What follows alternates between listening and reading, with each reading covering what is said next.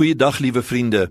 Daardie oggend toe die ou man Johannes uitgewekene op die eiland Patmos in sy eensaamheid en liggaamlike swakheid wakker geword het, het hy uit die diep nevels in sy gemoed onthou dit is die dag van die Here.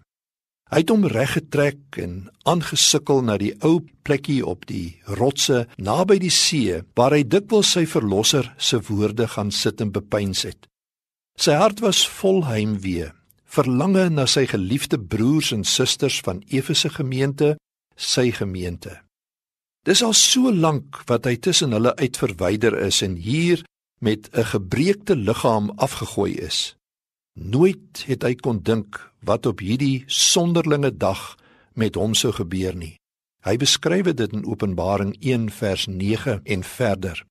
Ek was op die eiland Patmos waarheen ek verban was omdat ek die woord van God en die getuienis van Jesus verkondig het.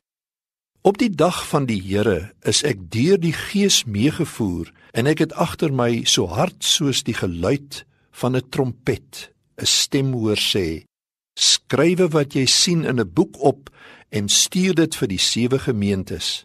Ek het omgedraai om te sien wie dit is wat met my praat. En tussen die sewe lampe iemand soos die seun van die mens gesien. Hy het 'n lang kleed aangetree en 'n goue band om sy bors gedra.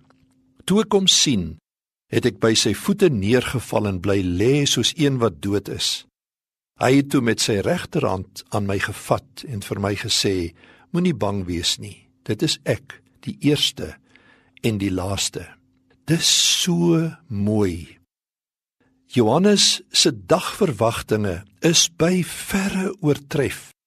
Nie alleen was dit sy geheue met die woorde van die verlede nie, maar vars woorde, vars openbaring, vars versterking.